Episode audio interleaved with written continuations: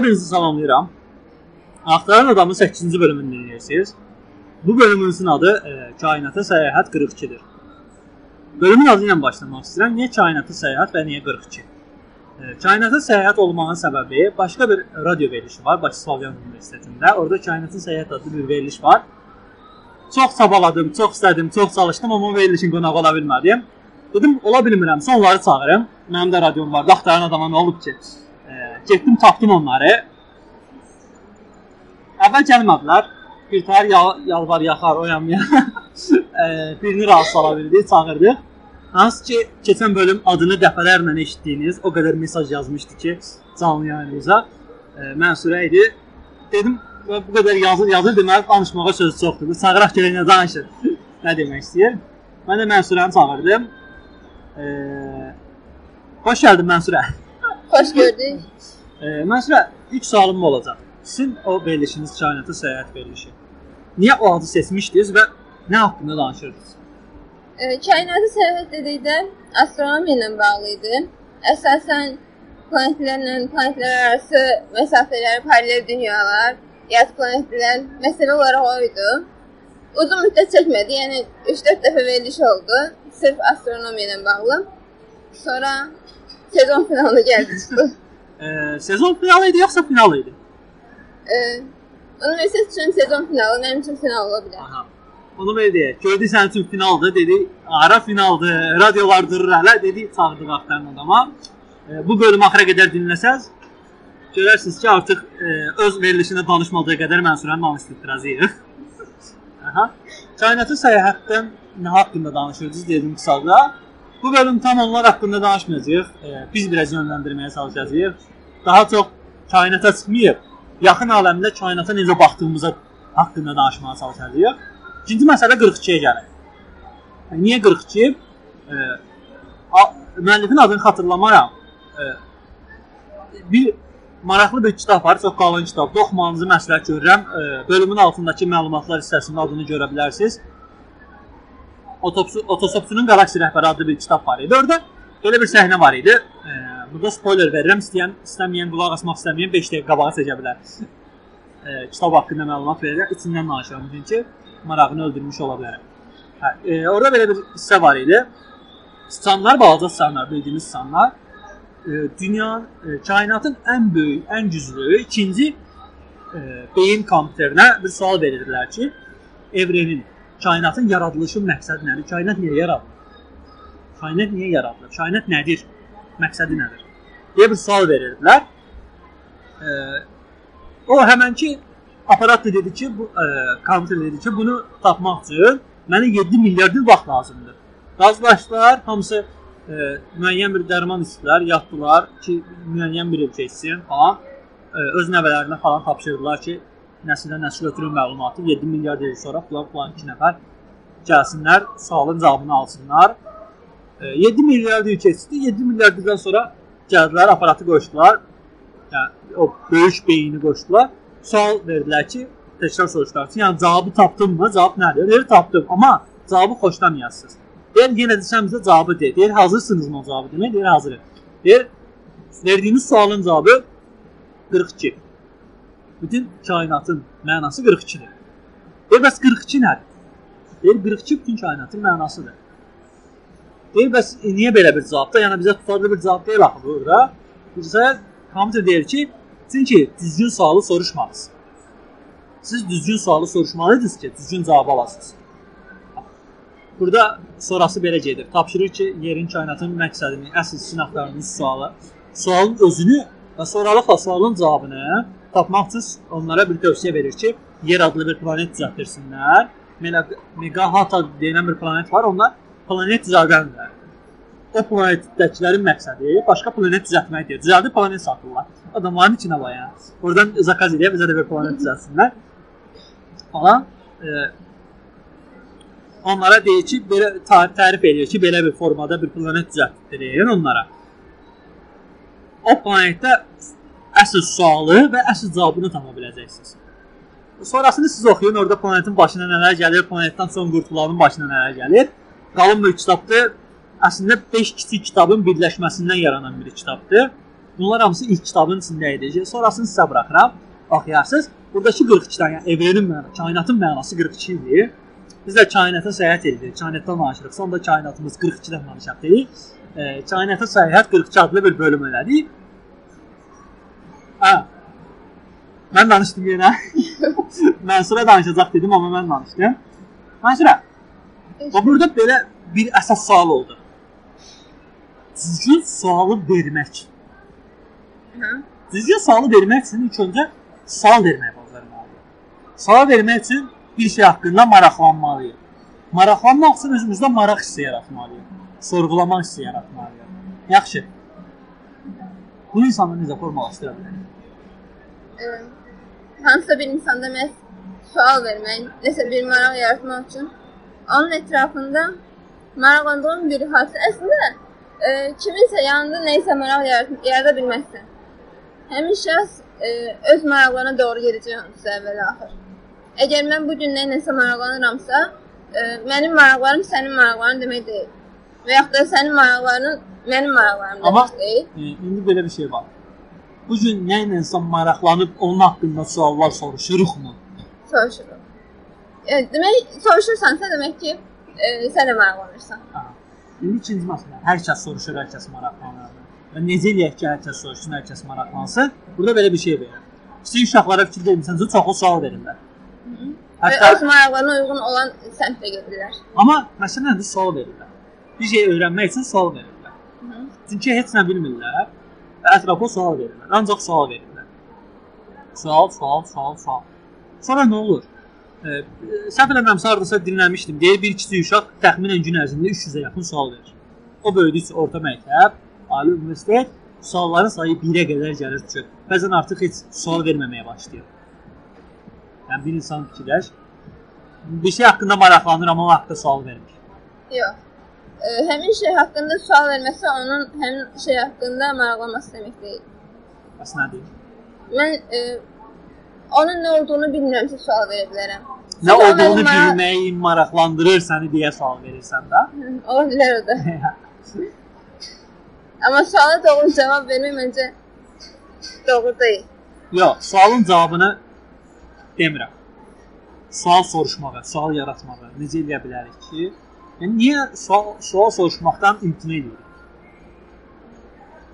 Niyə imtina edirik? İmtina etmirik. Məsələn, marağımızda ol- olduğumuz sualın cavabını almaq üçün sual veririk. Amma bəzən sualın cavabı bizə verilmədiyinə görə həmin o sualı soruşmadan imtina edirik. Yaxşı. Bu sualı kimə veririk? Bizə ən yaxın olan birinə hər halda. Ha. Əgər ən yaxın olan birinə artıq marağı, biliyi və yaxud suallara qarşı münasibəti mənfidirsə, cavab verməməyə seçirsə, cavab vermək istəmirsə, başına nə gəlirsə, nəticədə onda bizdə də Maraq sual sənir, vermək marağı ölür. ölür. O zaman e, sualı hara yönləndirməliyik? Allahım. Elə indi çıxış edirəm buradakı bir psixoloqam ya da bir astronom. Bilmirəm. Kainata səyahət veririk. O, e, mən də açığı bilmirəm. Və axtaran adam bunu axtarır da, sualları axtarır. Necə sual verməyi yaratmağımızı axtarır. Hə, sual vermək üçün məncə bir sualı verəndən sonra sualın içindən sual çıxar. Əslində 3 sual verməyə bacarmaq lazımdır. Düzgün sualı verməyə formalaşdırmaq lazımdır. Ümumiyyətlə birincisi bilməliyik ki, hər şey sualdan asılıdır. E, orada e, sən köhnə bölümlərimizi dinləmiş olarsan. Mən e, o 2 dənə rahib, e, 2 dənə şagirdin rahibə verdiyi sual haqqında danışmışam rədidə. Məncə yox. Yox, yox. E, iki şagird olur. E, siqaret üzərində mübahisə edirlər ki, e, dini kitab oxuyarkən, daha doğrusu İncili oxuyarkən siqaret çəkmək olar, yoxsa olmaz. Biri və mərcə giriblər ki, biri deyir olar, biri deyir olmaz. Rahibdən soruşmaq mə məqsədinə gəlirlər və deyir, biri deyir ki, yəni rahib deyəcək olar, biri deyir olmaz deyəcək. Gedirlər rahibdən soruşmağa. İki belə bir sual verir. Hörmətli rahib, mən e, İncil oxuyuram. Ürəyim siqaret çəkmək istəyir. Olarmı o an siqaret çəkim? Deyir, qətiyyən olmaz. Biz İncil oxuyuruqsa əgər, bütün diqqətimiz, bütün fikrimiz İncilin üzərində olmalıdır. Kənar şeylər etməməliyik. və sadəcə İncilə odaqlanmalı, yəni konsantrə Azərbaycancasını tap. Biz də konsantrə olmalıyıq, odaqlanmalıyıq, mərkəzlənməliyik, diqqətimizi ora Diqqətimizi ora verməliyik, cəmləşdirməliyik. cəmləşdirməliyik. Olmaz yəni. Digəri belə bir sual verir. Hörmətli qari. Mən siqaret çəkirəm. Və O an birdən ürəyimdə İncil oxumaq istəyir. İncil oxumaq istəyi keçir. Olarmı mən siqaret çəkdiyim anda İncil oxumaq istədiyi ürəyimdən keçdiyinə görə İncil oxuyum? Deyir, əlbəttə. Harda olursunuz olun. Nə edirsiniz edin. Ürəyinizdən İncil oxumaq keçirsə açın oxuyun. Nəticələr nə oldu? Ayrı-ayrı fərqli. Ayrı ayrı. Fərqi nə yaratdı? Doğru sual.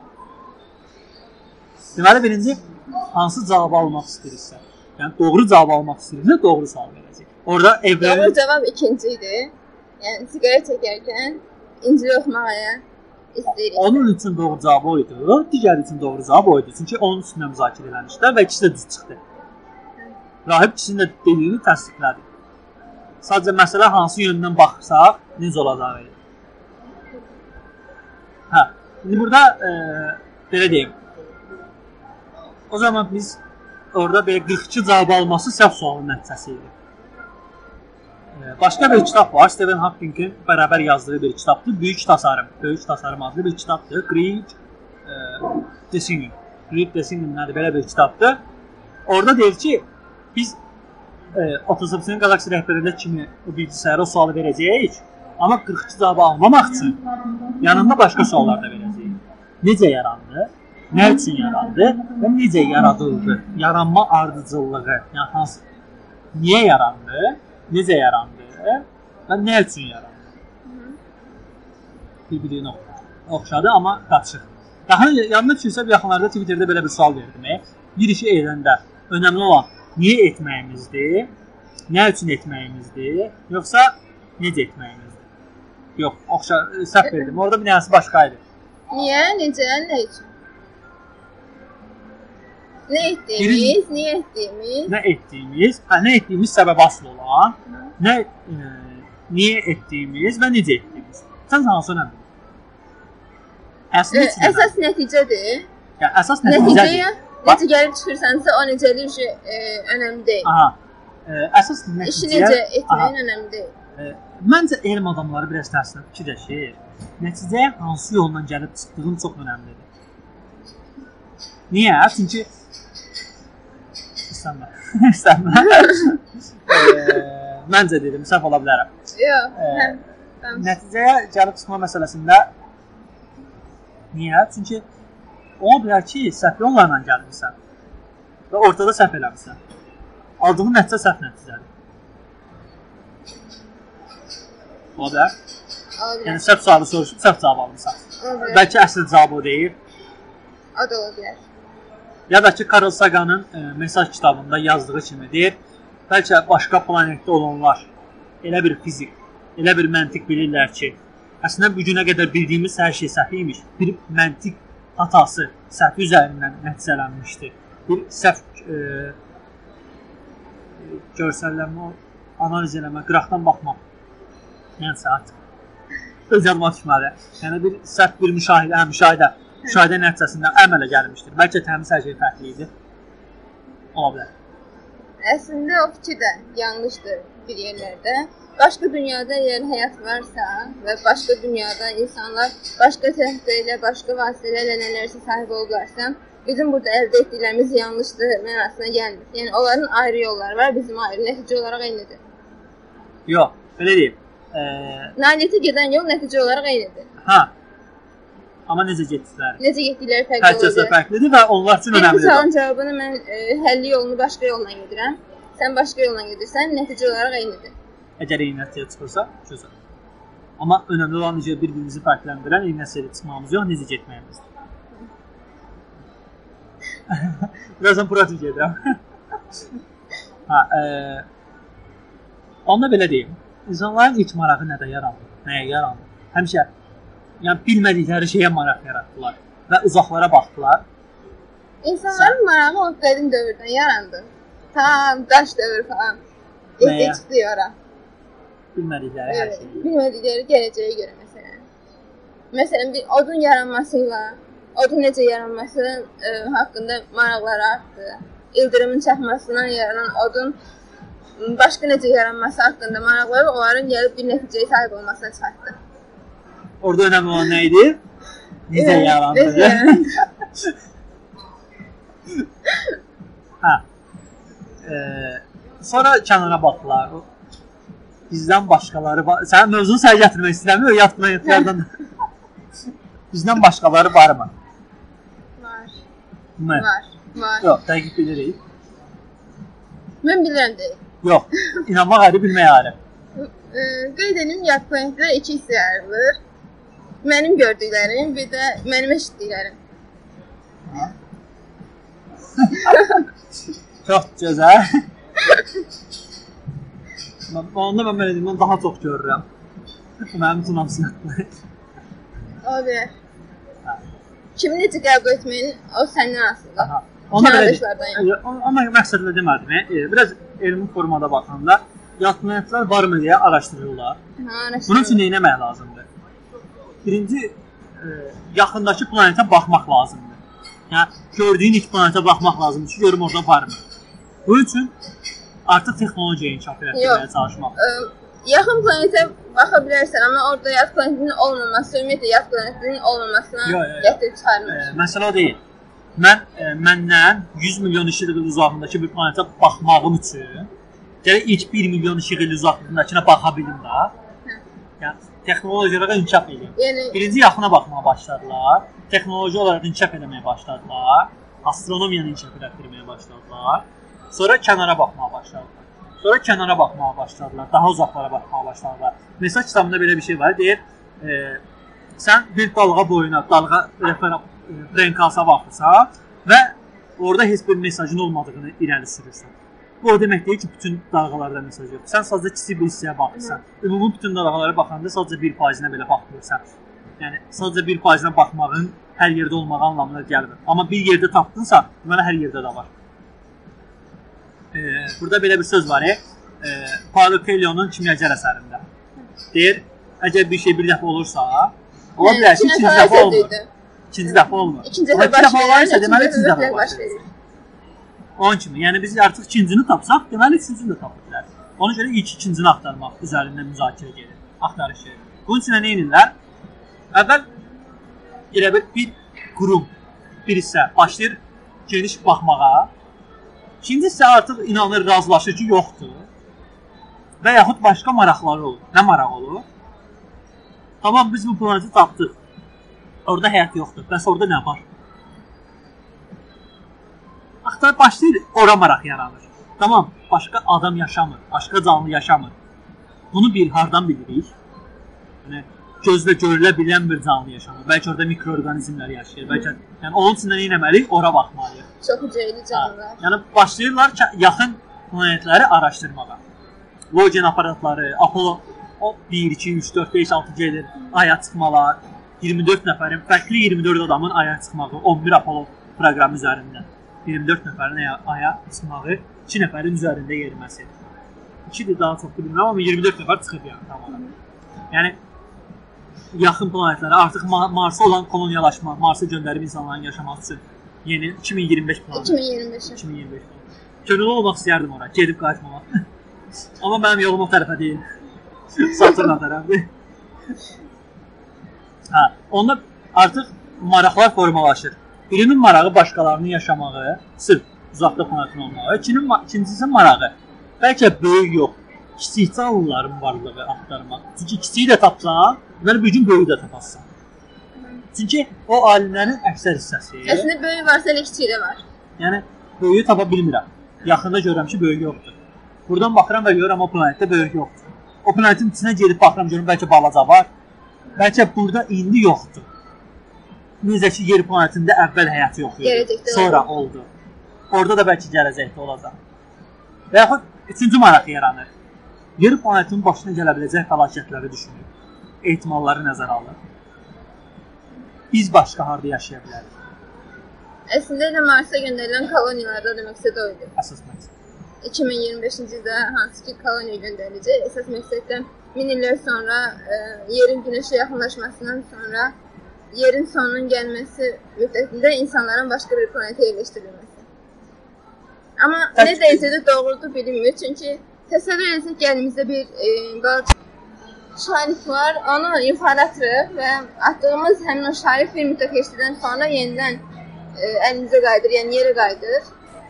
E, elə planetlərin də o kiçik partlayışdan sonra yaranaraq e, yaranması və sonra e, düşünürəm ki, həmin o kiçik şarif yerə qayıtdığı müddətdə elə e, Hə, təzədən böyüyür bazarı. Yəni Aha. e, e, orada bir e, yer kainatın o böyük partlayışdan yaranmasının iki böyük nəzəriyyəsi var. E, birinci nəzəriyyə o idi ki, daimi genişlənən bir kainatımız var. İkinci nəzəriyyə genişlənən, kiçilən, genişlənən, kiçilən, təzədən partlayan, genişlənən, kiçilən kainatımız var. Yəni sonsuz sayda olub, amma sonsuz sayda genişlənib, kiçilib, genişlənib, kiçilən kainatımız var. Onu e, belə bir nəzəriyyə fərzi mənim fərziyyəm var ki, e, qara, e, qara delikləri azlığınızda necə? zəhərdəlik. Hə, qara dəriklər. E, qara dəriklər e, aid belə bir fikrim var ki, fikirləş qara dərik nə idi? Bir planetin ölməyi, özünün ətrafındakiləri çəkməyi, çökməyi, orada ağır e, yük, ağır e, kütlə olmağından görə ətrafındakiləri özünə çəkməyi, çəkdikcə də artıq daha çox çəkməyi, daha çox böyüməyi və e, artıq yenidən təkrarən bütün kainatın bir qara dəlik kimi birləşib, sonra təzədən partlamağı da ola bilər. Yəni o bəlkə ikinci fərziyyə olan o daimi böyüyüb kiçilmə fərziyyəsi Əslində qara- e, qara dəliklər bütün planetlərin kainatın birləşməsi demək deyil. E, bir müddət keçdikdən sonra artıq onun e, maddələr pozğunluğundan sonra partlaya bilər. Yəni hər kəsə hər şeyi öz tərkibinə çəkməsi vacib deyil. Yəni bütün kainatı birləşdirənlərin ilkə qayıtdırmaz, kainatın içində kainat yaradar. Aha. O da hə, e, o bunlar sadəcə fərziyyələrdir. E, belə deyim, əsas olan burada biz bura buralara hardan gəldik çıxdıq? İnsanların başqa planetlər ilk öncə sorğuladılar. Ətrafda nə var? Başqa yerdə nə var? Göydə gördüyü nədir? Teleskoplar falan yaratdılar, başqa planetləri gördülər. Ondan sonra nə fikirləşdilər? Bəlkə orada nəsə var. Bəlkə biz bu planetdə biz yaşayırıqsa, o planetdə də başqası yaşayır.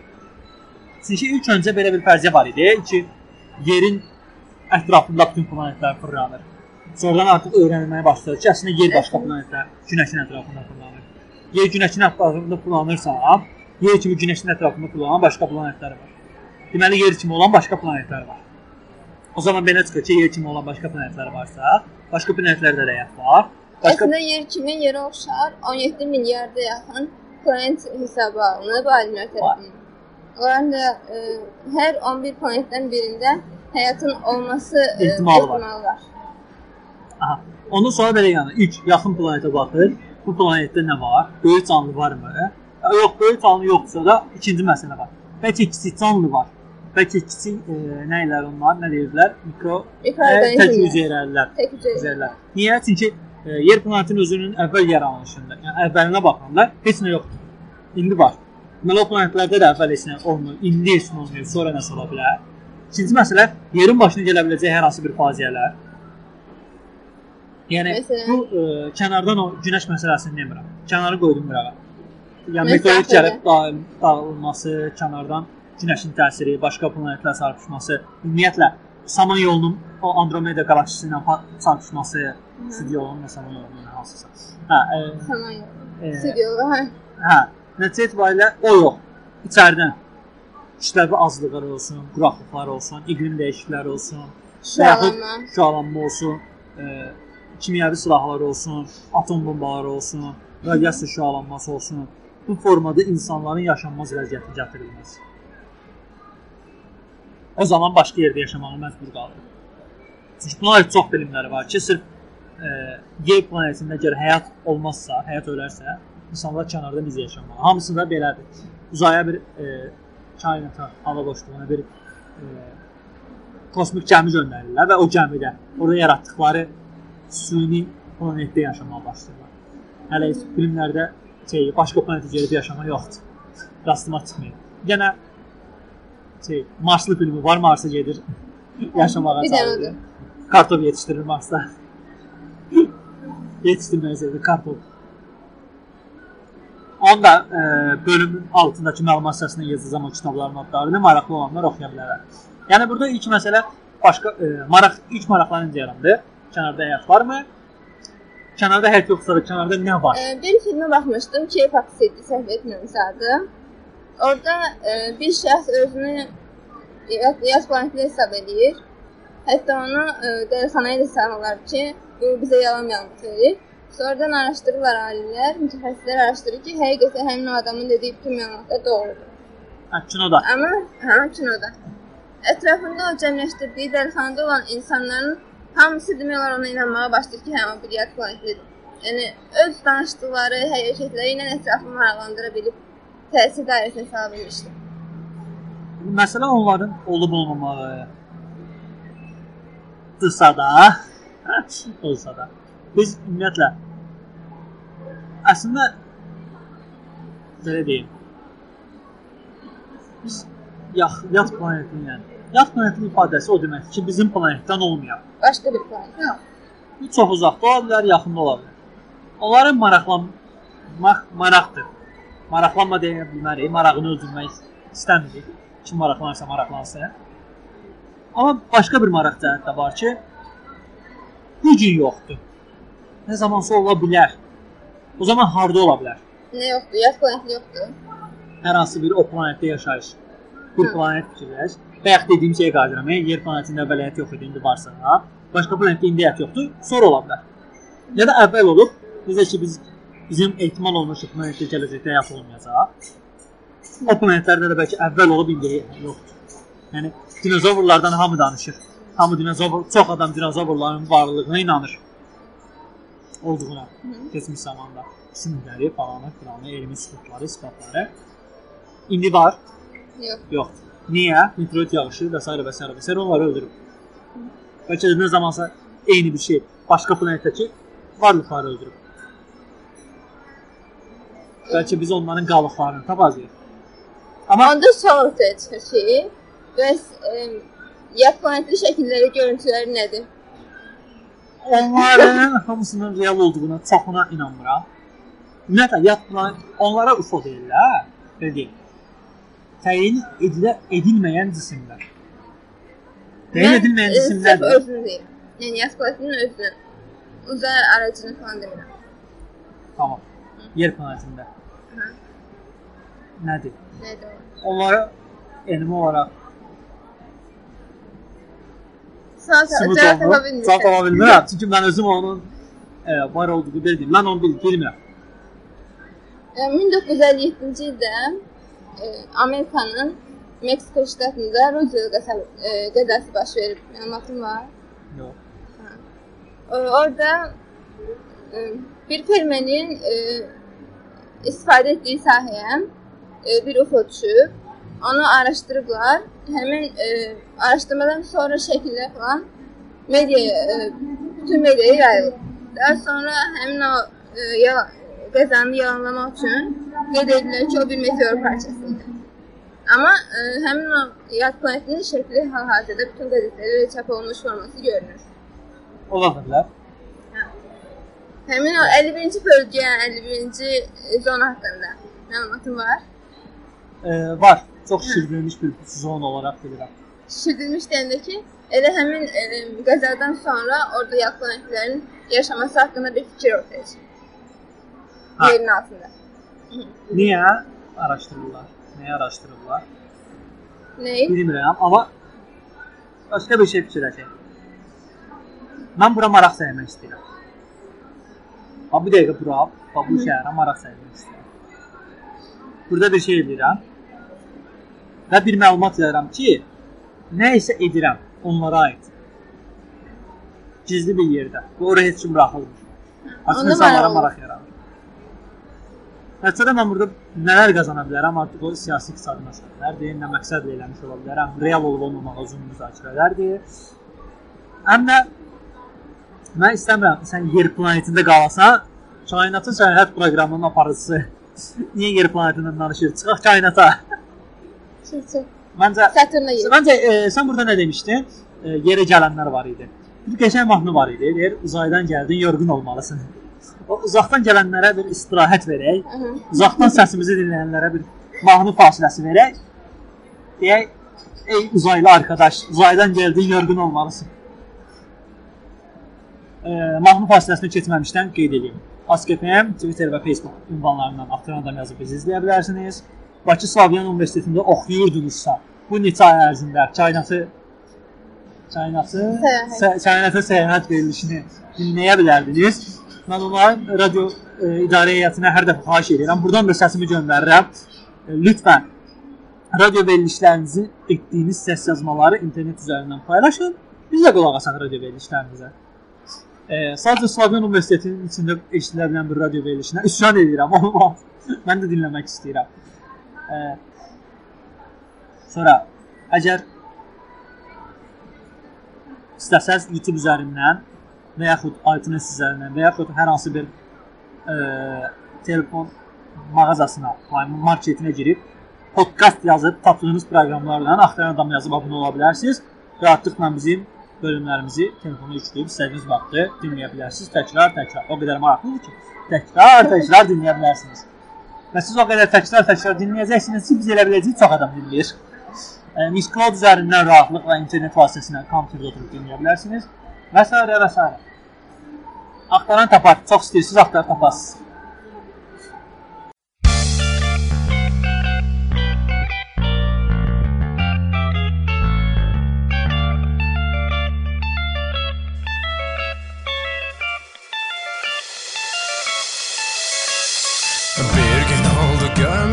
İstediğim garip birkaç şeyden biri. Havada uçan bir gemi ve uzaylı bir deli.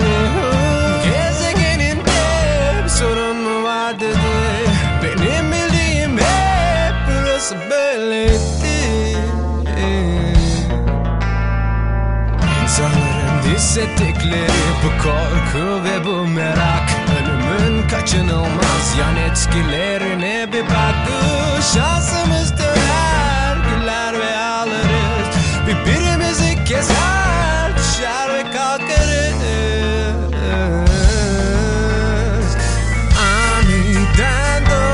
güneş Nasıl da ruha eş? Yolculuk nereydi uzaylı kardeş? Bilirim bu yolu ve yorgun olduğunu Ve bir bak Burada güzel şeyler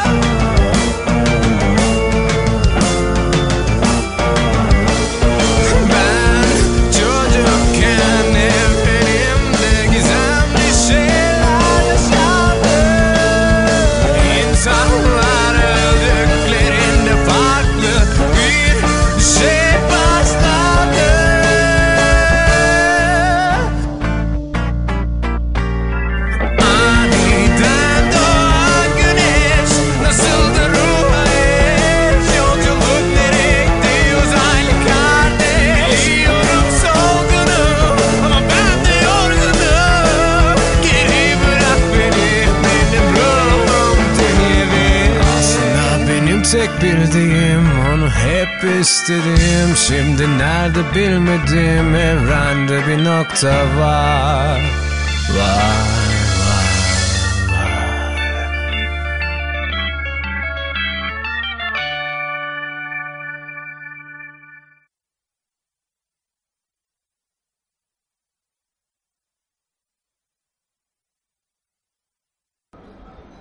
Gözəl bir musiqidən sonra axtaran zaman davam edirik. Qonağımız mən sonra Mavzuvadır. Eee,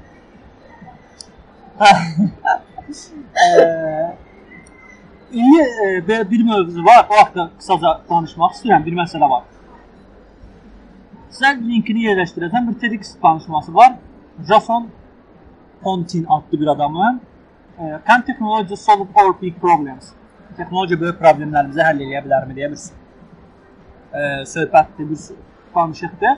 Orada belə bir şey deyir. Bəzən böyük problemləri həll etməyi seçmir. Apollo 11 proqramından danışır. Apollo proqramından danışır ümumiyyətlə. Deyir Apollo proqramını danışarkən onlar e, çıxış edən biri var idi orada. Apollo proqramını danışarkən Jason Pontin şey, e, John Kennedy, John Kennedy danışarkən deyir ki, e, biz niyə ay seçdik? Çünki asan olan şeylər seçə bilərdik, amma biz ən çətinini seçdik. Bu gün üçün elə biləcəyimiz ən çətini. Biz başqalarına nə edə biləcəyimizi sübut etmək üçün seçmədik. Biz edə biləcəyimiz ən çətin, amma edə biləcəyimiz şeyi seçdik. Ona görə ay seçdik. Və elədilər. E, bir tam 11 mi 17 dəfə mi Apollo proqramı oldu. Səhv eləmirəmsə 11. Aya 24 fərqli adam çıxdı aya. Ayaq basmanı dəqiq bilmirəm neçə nəfər ayaq basdı. Amma yəni orada 380 kiloya yaxın daş gətirildi və s. və s. və s. Yəni bunu elədilər. Amma ondan bəri heç nə edilmir. Ondan bəri növbəti ediləcək olan Marsdır. Bir də Voyager kimi aparatlar var. Öyle göndərirlər, gedir öz üçün. İnsansız aparatlar. Burada amma bir şey vurğulayır. Deyir, o vaxt Apollo proqramı üzərində çalışanda 400 minə yaxın insan bu işin içində idi. 20 minə yaxın universitet, məktəb, şirkət bu işin içində idi. Bu onlara nə qazandırdı? Birinci belə bir şey fikirləşək. Sən birinci ən iqtisadi məsələyə baxıram, ən adi bir şeyə baxıram. İşsizlik problemi müəyyən qədər Allah. Çünki hər kəsin bir işi var artıq. Bir şey üstündə çalışır. İkincisi toplumu birləşdirir, cəmiyyəti birləşdirir. Bir şey, eyni şey üzərində çalışırlar. Eyni marağı, eyni istəyi, eyni inancı olur. Xalq da bunu maraqlanır. Dövlət də buna pul yatırır. Və hər biri bunu istəyir. Bunun üçün çalışır. İstəyir, orada çox böyük texnoloji inkişaflar olur. Niyə? Bir uzay aracını, bir uzay gəmisini fırlatmaq üçün müəyyən texnologiya lazımdır. Onu kəşf etmək, onu tapmalı, onu icad etməlisən. Onun gedib ora çıxması üçün müəyyən şeylər lazımdır. Onu çıxartmalısan. Orada qalıb oradan qayıtmaq üçün müəyyən şeylər lazımdır. Hamısını icad etməlisən. Onların da müsbət nə qədər verə biləcəyi müsbət qeydləri fikirləş. Tək orada texnologiya, məsəl üçün belə deyim də. Gəlir ki, sən düzəltmək istədiyin bir gəmi elektron gəmidirsə, elektronikanı çox böyük sürətlə inkişaf etdirməlisən. Yapay zəkaya məxsus bir gəmi düzəltmək istəyirsənsə, yapay zekanı inkişaf etdirməlisən. Sənin elədiyin bir şey başqa şeylərə nə qədər müsbət təsir edir. Orada e, danışır TEDx çıxışının videosunun linkini yerləşdirəcəm sizin üçün. Orada bəzi şeylərdən danışır. Deyir misal üçün e, tapa bilsəm. Dərman var, müəyyən xəstəliklərə görə dərmanlar tapılır. Ürək dərmanları nədir? Aspirin. Aspirin. Yox. Qızdırma dərmanı desin. Deyir o gün həmənki gün 400 mindən yaxın insan e, bundan əvvəl 20 min yaxın şirkət, universitet, dövlət qurumları bərabər işlədilər. 180 milyar dollara yaxın. Yəni o günkü üçün federal büdcəsinin 2% qədər pul ora yatırılmışdı. Sırf o proqrama yatırılmış.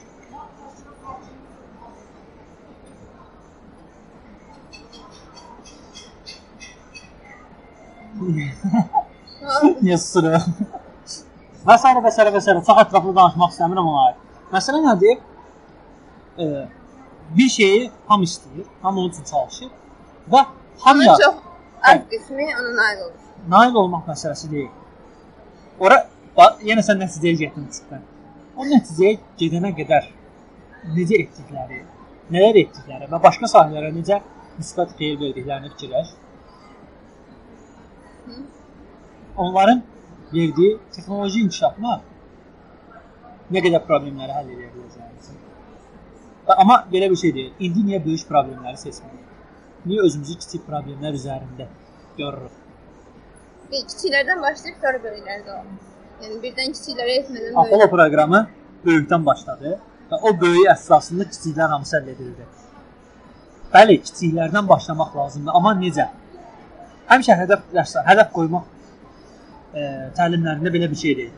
Böyük bir hədəf qoyursan, sonra onu kiçik hədəflərə parçalayırsan. Yerim, hədəfin e, ulduzlar olsun aya çatan, çatancaya qədər belə bir şey var. Yəni böyük bir şey hədəf qoyursan, onu kiçik-kiçik hissələrə parçalayırsan ki, reallaşmaq üçün nələr etmək lazım olduğunu tapırsan, sonra onları bir-bir etməyə başlayırsan. Son nəticədə onu edə biləcəksən, edə bilməyəcəksən önəmli deyil. Amma kiçik-kiçik hədəfləri elədikcə nə qədər fərqli şey etmiş olacaqsan, nə qədər fərqli nöqtələrə çatmış olacaqsan. Bunu hər şeyə tətbiq edə bilərik, uygulaya bilərik. Önəm verə bilərik. Önəmli olan nə idi? Problemi görmək, Və həll yolu üçün axtarıb tapmaq və sormaq, soruşmaq. Necə həll edə biləcəyimizi axtarmaq. Bunun üçün sizlə məsələ indi texnologiyadan danışırıq. Ən adi bir şey. Ətrafımda o qədər insan tanıyıram ki, texnologiyadan istifadə edə bilmir. Ən adi bir şey deyil. Bir məlumat lazımdır. Girib Google-da bunu axtara bilmir. Bir şey etmək lazımdır. Girib YouTube-da bunun videosuna baxa bilmir. Çünki nə yazıb soruşmaq lazım olduğunu bilmir. Sual verə bilmir. Probleminin nə olduğunu tapa bilmir. Nəyi öyrənmək istədiyini bilmir adam. Bəziləri e, sırf yaş məsələsinə önəm götürürlər bunda ki, yaşlı adamlar o dövrün adamlardır, onu bilmirlər, texnologiyaya ulaşa bilmirlər. Amma e, elə yaşlılarımız da var ki, bunu bacarmır. Hə, yaşlıları ümumiyyətlə qoydum qırağa. Bizim yaşlılarımızdan danışanda ciddi sürətdə böyük problemlər var. Niyə insanların bir marağı yoxdur ki, artıq sual soruşmaq bacarığı yoxdur. Sual soruşmaq üçün nə etmək lazımdır? Ya problemi görməlisən, ya ma marağının nə olduğunu bilməlisən. Ya problemi görüb həll etmək üçün sual verməlisən, ya da sən müdafiə elədin. Bax, maraq olmasa da sual soruşmaq olur. Problemi görməlisən, problemin həll yolunu axtarmalısan, əlaqələndirmirsən. Problemin həll olunmasına maraqlısan da. Nəysə, e, problemin həll olunması, problemin nə olduğunu sormaq, soruşmaq, tərəfdən marağı, öyrənmək istədiyi şeyləri soruşmaq. Hər bölümdə sonlara yaxın deyirəm. Yəni bir şey etmək istəyin. Sonra bunu edə biləcəyinizə inanın və başlayın etmək üçün yollar axtarın. Suallar soruşun özünüzə ki, bunu necə edə bilərəm. Sonra onu parçalayın. Xırda-xırda addım-addım gedin. Bu işi etmişləri tapın. Et, etmiş insanlardan soruşun. İnternetdən çox istifadə edin. Yəni, mən oturum burada qulaq hə, evdə asa bilərdin deyirəm canı canlı. Sən əlavələrin, fikirlərin. Əlavə, kainata səyahətdən çıxmışıq kənara. Artıq kainatı səyahəti yox, özümüzü səyahət edirik. hə. Amma nə istəsən əlavə eləyə bilərsən. Yəni, mövzu üzərində qayıdar, sonra da Aha. fikirləri yenidən Yəni, danışırıq. mövzu nədir? Keçən dəfəki mövzusuza bənzəmir bu. Mövzumuz kainata səyahət 42. Aha. E, Bu yaxınlarda eşitdiyimə görə 1-2 həftə əvvəl NASA Kepler teleskopunu yeni taxtı, tapdığı min neçə planetdən yeni görüntüləyə bildi. Min neçə planetdən söz açdı və içərisində hardasa 7 dənəmi, 11 dənəmi yerə oxşama ehtimalı, yerə oxşadığı, hətta 4 dənəsini yaşam olma ehtimalı olduğunu Oldu. irəli sürdü. Ki, kainatda nə qədər planetlər var, nə qədərləri belə. Əslində məktəb vaxtı oxuyanda ə, deyirsən təbiət idi. Yəni təbiət idi olmalı. Orada qeyd olunurdu ki, ə, hal-hazırda yerə oxşayan, tam yerə oxşayan yaşam olma ehtimalına görə, böyüklüyünə görə 90-a yaxın planet var ondan çox. Tək olsun, çox olsun. Yəni əgər yerə oxşayan planet varsa, demək yad planetdə var. Yeni gəldi yad planet deyə. Var deyirik, keçirik. ola bilər, ola bilər deyirik. Var demək. Ola bilər demək, olmaya da bilər, ola da bilər. Hər şey ola bilər. Yəni nə sən dediyini inkar edirik, nə sən dediyini təsdiqləyirik. Tamam. Eee başqa əlavələrin. Artıq e, yarıma çatandan sonra yeni bir ənənəyə başladıq. Qonaqlara son söz verdik. Əvvəl verilməli Başqa? deyil. Son sözlərin. Yoxdur son sözüm. Son sözüm, son sözüm. son sözüm, son sözüm olmamalıdır. Ee, sağ ollaş da qonaqlarına. Dinləyicilərinə. Axtaran adama bundan sonraki bölümlərdən məndən daha yaxşı qonaqlar arzu edirəm. Yəni sadəcə müzəffər yox, söhbətə müdaxilə etməyi bacaran qonaqlar. Ee, mən sonra burada qızarqıb qırmızı bilmir nə danışsa. Yox, mühit çox istidir. Çıxarıb təmsalayaq. Ee, çox sağ olun, çox təşəkkür edirəm. Öz radionun final olmağına baxmayaraq məni qonaq çağırmasan da mən çağırdım, alınmadı. alınma. Texniki problemlər yarandı. Əsas o da özün gəldin, özün danışdın. Fikirlərini bölüşməyə çalışdın, mən imkan vermədim, mən danışdım. Sən yürün dinlədim müzəffəri. Bəs eləmirdi evdə radionun başından dinləmək dedik. təşəkkür edirəm. Əsas dinləyicilərimizə təşəkkür edirəm ki, bu bölümə qədər gəldi danışdı. O bir söz verib bizi ayaqda tutan sizsiniz. Bizi ayaqda tutan o 3-5 dinləyicidir. o da olmasa nə edəcəyik? O da özümüz yeyək. Əslində özümüz özümüzə qulaq. Dinləyici sayı çox görünsün. Ə, təşəkkür edirəm hər birinizə. Ümid edirəm ki, gələcək bölümlərdə də maraqlı qonaqlar, maraqlı mövzular olar. Dərs sözünü xüsusən işlətdim ki, ya bu bölüm kimi. Benim necə maraqlı olursa da. Danışanda maraqlı görünmür, dinləyəndə maraqlı görünür. Hər birinizə təşəkkür edirəm. Ə, Bizi Askepem, hər dəfə Instagram verirəm. Gərək açım bu Instagramı. Askepem, Twitter və yaxud Facebook üzərindən izləyə bilər. YouTube üzərindən playlistimizə, bölümlərimizə baxa bilər və yaxud bölümlərdə işlətdiyimiz mahnıları dinləyə bilər. Bölümlərdə işlətdiyimiz mahnılar üçün ayrıca bir playlist yaratmışıq. Bu bölümdəki mahnıları əlavə edəcəyik. Ə, Fikirlərinizi bizə yaza bilərsiniz. Facebook üzərindən bizi izləyib növbəti bölümləri xəbər tuta bilərsiniz. iTunes üzərindən izləyə bilərsiniz. Ə, Telefonunuzdakı hər hansı bir podkast proqramından abunə ola bilərsiniz. Mixcloud üzərindən izləyə bilərsiniz. Hər tərəfə yaymışıq, heç kim dinləmir. hər yerdə var. Sözün? Təşəkkür edirəm. Bu bölüm çox təşəkkür edirəm. Baxın da. Sağ olun.